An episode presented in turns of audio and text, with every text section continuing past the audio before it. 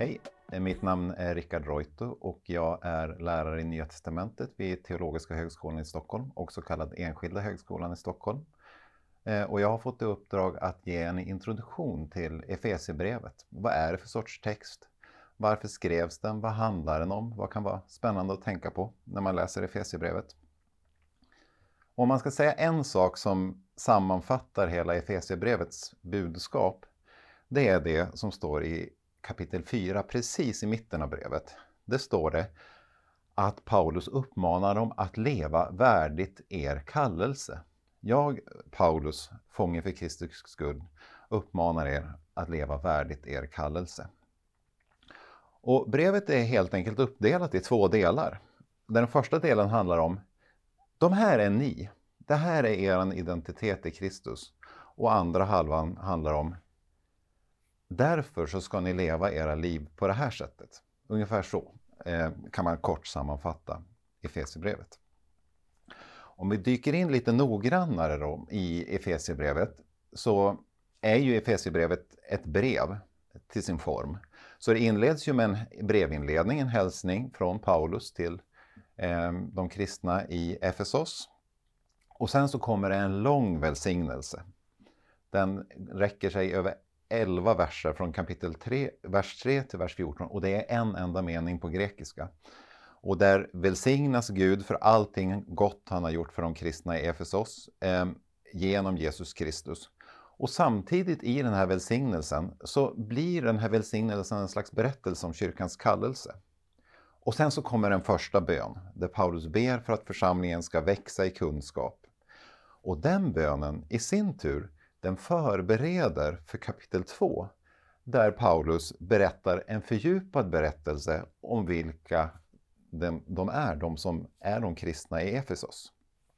Och i kapitel 2 så påminns församlingen om att ni har en gång stått utanför.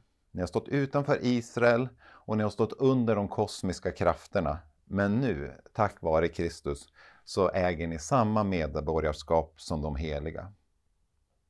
Och sen innan han går vidare så gör han en liten utvikning. Det här var ganska vanligt att man gjorde i antika tal. Man gjorde ett litet sidospår. Eh, och Paulus börjar berätta om sig själv.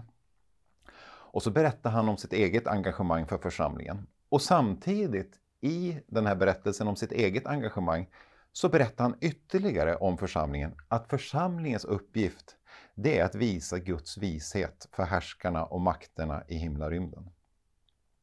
Och så ber han igen, en andra bön. Och den här bönen är lite längre än den första bönen. Eh, och eh, här fördjupas då vilka han vill att de ska vara. Han ber att de med Andens hjälp ska få kärlek och kraft och kunskap.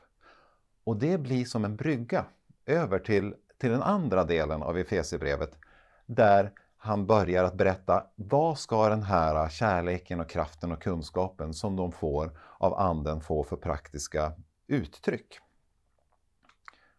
Och sen så kommer den andra halvan, den lite mer praktiska halvan. Och i den här halvan så uppmanar Paulus dem om och om igen att leva på ett visst sätt. I, den grekiska texten så står det bokstavligen att de ska vandra. Ehm, och det, det här kan man eh, ta bit för bit. Eh, att först så kommer det en, en bit i kapitel 4, eh, vers 1-16, som handlar om att de ska leva värdigt sin kallelse. Och där, där uppmanas de att leva i enhet under ledning av sina eh, ledare.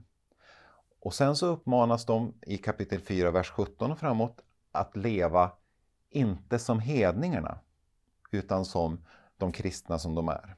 Så det blir en kontrast mellan deras förra liv och deras nuvarande liv. Och sen i kapitel 5, då kommer ett nytt lev. I kapitel 5, vers 1. Lev i kärlek likt Gud. Och så kommer ett nytag igen eh, i kapitel 5, vers 7. Lev som ljusets barn och så utvecklas det. Och så allra sist så kommer det en längre eh, eh, passage som är, sträcker sig ända från kapitel 5, vers 15 ända till 6, 9 som handlar om att de ska leva vist. Och först pratar han om hur de ska leva vist i församlingen och bete sig mot varandra i församlingen. Och sen hur de ska leva vist mot varandra i, i hushållet eller i hemmet eller i familjen, hur man nu väljer att uttrycka det. Och så som avslutning på hela brevet så kommer det då den här berömda texten om att ta på sig Guds rustning. Och det blir som en slags sammanfattning av hela brevet, att de ska hålla fast vid sin tro. De ska klä sig i Guds rustning och stå fast vid sin tro i svåra tider. Och på så sätt så avrundas ju då berättelsen om vilka de är och hur de ska leva sina liv med den här bilden eh, av en rustning. Så om vi ska sammanfatta då, så kan man då säga att det är ett brev om kyrkans och de kristnas identitet och hur de ska leva ut denna identitet i praktisk handling. Jag sa i början att det här var ett brev eh, och på vissa sätt så är det här ett brev. Eh, det börjar ju som ett brev och det slutar som ett brev. Det det, det är inte så, så märkligt. Han, I början av antika brev så är det vem det är ifrån och vem det är till och i slutet av antika brev så brukar det vara hälsningar. Och så är det också i Efesierbrevet. Men däremellan så är det många som har noterat att alltså det här brevet är inte så typiskt brev på vissa sätt. Och det, framförallt så är det så att det saknas ett konkret ärende. Om vi jämför till exempel med Galaterbrevet där det konkreta ärendet är att han vill säga till alla som bor i Galatien, omskär er inte. Eller eh, brevet till Korintierna där han tar upp en massa konkreta problem, alltså första brevet till Korintierna där han tar upp en massa konkreta problem som han vet om att korintierna har i sin församling så går det inte riktigt att lista ut vad, vad är det för situation som Efesierbrevet skrivs in i. Ehm, så texten mellan början och slutet är lite mer som en tidlös predikan som, som egentligen riktas till kristna i många olika situationer som behöver inspiration av att komma ihåg värdet av sin tro och hur de ska leva ut den. Ehm, och många har noterat också att Efesierbrevet är väldigt likt Kolosserbrevet och det kan man göra själv hemma. Sitta och bläddra, läsa Kolosserbrevet och Efesierbrevet bredvid varandra och hitta massor med paralleller. Och det är nästan som att Efesierbrevet är en omskrivning av Kolosserbrevet fast utan den konkreta situation som Kolosserbrevet skrevs in i. För i Kolosserbrevet är det väldigt tydligt att där har de ett problem med någon typ av spekulativa läror. Ehm, men i Efesierbrevet så nämns inte de här spekulativa lärorna på, på, på det sättet. Så det, det är som att Efesierbrevet är den tidlösa varianten av Kolosserbrevet och den lite mera utbroderade varianten av Kolosserbrevet.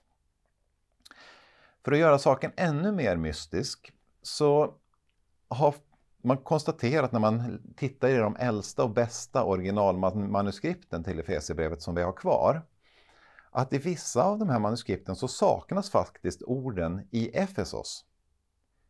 Det, det, är jättemystiskt. För om man inte har med Efesos, då står det inte till de kristna i Efesos i början, utan då står det till de heliga som också är trofasta och så ingen ort.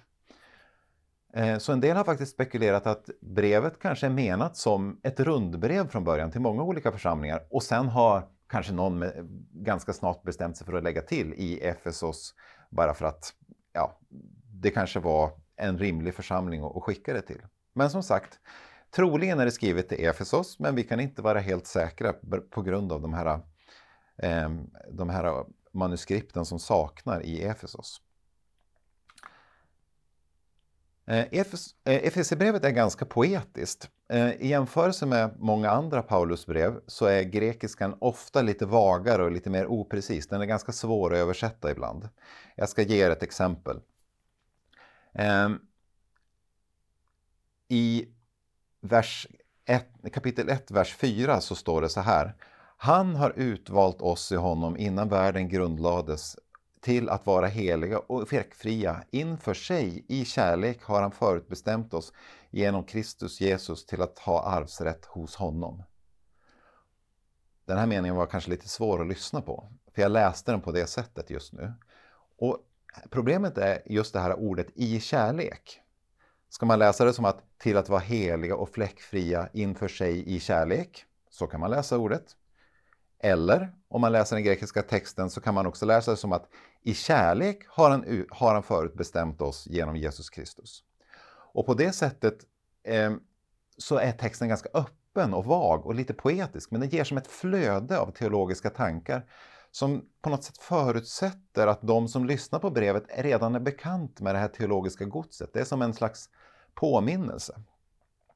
Och ibland så kan han uttrycka sig med, med många ord som bara staplas på varandra. Till exempel i kapitel 1, vers 19 så står bokstavligen att Guds makts storhets övermått, hans styrkas suveränitetskraft. Och det har Bibel 2000 översatt då med hur väldig hans styrka är, samma oerhörda kraft som han med sin makt verkade och så vidare. Eh, så, så det kan vara ganska svårt att översätta de här passagerna. Därför att Efesierbrevet vill ge mer ett poetiskt intryck kanske än teologisk precision väldigt ofta. Ehm, och det har ju helt enkelt att göra med vad det här brevet går ut på. Det går inte, kanske inte ut på att formulera läror eh, om, om, om tron, utan att påminna om deras kristna identitet och inspirera dem att glädja sig över sin identitet. Eh, men eftersom senare i kyrkan har man ju velat läsa de här texterna som teologiska texter och då har man fått en del problem. Det kanske mest berömda eh, bekymret är i kapitel 2, vers 15 där det står bokstavligen att han i Kristus har annullerat lagens budord med avseende på påbud eller befallningar. Och det här har Bibel 2000 översatt att han har upphävt lagen med dess bud och stadgar. Men det skulle lika gärna kunna läsas som att han har upphävt lagens budord med avseende på dess eh, föreskrifter. För Paulus själv säger ju i Romarbrevet att Gud har inte alls upphävt lagen, men det finns ju föreskrifter som inte gäller för hedningar, det vill säga omskärelse. Så att, men allt, det är ett sånt där tillfälle där det, man får teologiska bekymmer och förstår vad han vill få sagt. Nåja, men det är många långa meningar i Efesierbrevet. Det är mycket repetition och mycket vackra formuleringar och så. Eh, så man kan kanske säga så att Efesierbrevet är ett brev med predikande karaktär. Det är ett brev som är till för att läsas upp i gudstjänsten för högläsning. Och det förutsätter att man kanske har läst andra Paulusbrev och kan en del Paulus teologi för att uppfatta vad som händer. Så det ska ge en känsla mer än att precisera eh, teologiska eh, läror. Och det har ju, skickar ju en del tankar till oss när vi ska läsa Efesierbrevet idag. Eh, kan det vara spännande att läsa Efesierbrevet högt för varandra tillsammans. Ehm, Kanske ska man engagera sig lite grann i textens poetiska drag och njuta av det, snarare än att försöka förstå allt exakt vad han vill få sagt. Ehm, just det här tidlösa, att det inte är riktat i en speciell situation, det kanske gör att det är lättare för kristna kyrkor i olika sammanhang att relatera till budskapet. Det är lättare att tolka in i många situationer. Och framförallt, du behöver inte tycka att det är konstigt om du tycker att någonting är svårbegripligt i, Efesierbrevet. Det är helt normalt. Även vi bibelvetare tycker att en del saker i Efesierbrevet är ganska svårt. Och då kan jag rekommendera att ni till exempel köper Jonny Jonssons kommentar till Efesierbrevet som i, i kommentarserien Kommentar till Nya Testamentet. Den ger er väldigt, väldigt mycket hjälp med de här svåraste grejerna, vad de kan tänkas betyda. Och har ni inte den boken hemma så kan man ju också läsa andra översättningar för att få lite inspiration kring hur texten kanske skulle kunna tolkas. Det var det jag hade att säga lite grann vad Efesierbrevet är för sorts text.